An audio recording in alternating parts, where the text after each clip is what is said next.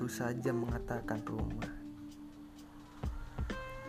Rumah bagiku bukan hanya sebuah bangunan kokoh yang tak dapat dipindahkan, tapi rumah adalah hati.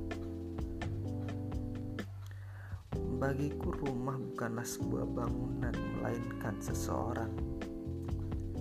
Seseorang yang dapat dijadikan sebuah rumah untuk kita berkeluh kesah setelah mengalami kehidupan panjang,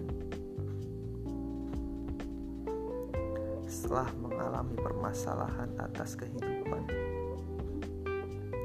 setelah mengalami berbagai cobaan, rintangan, dan kebahagiaan di dunia. Rumah memiliki banyak arti, tapi rumah di sini Aku menganggapnya adalah itu orang tua serta teman. Orang tua dan teman yang aku jadikan rumah untukku berteduh, untuk tempatku beristirahat. Setelah seharian panjang aku lelah akan kehidupan. Dan aku mau tanya, apa definisi rumah bagi kalian?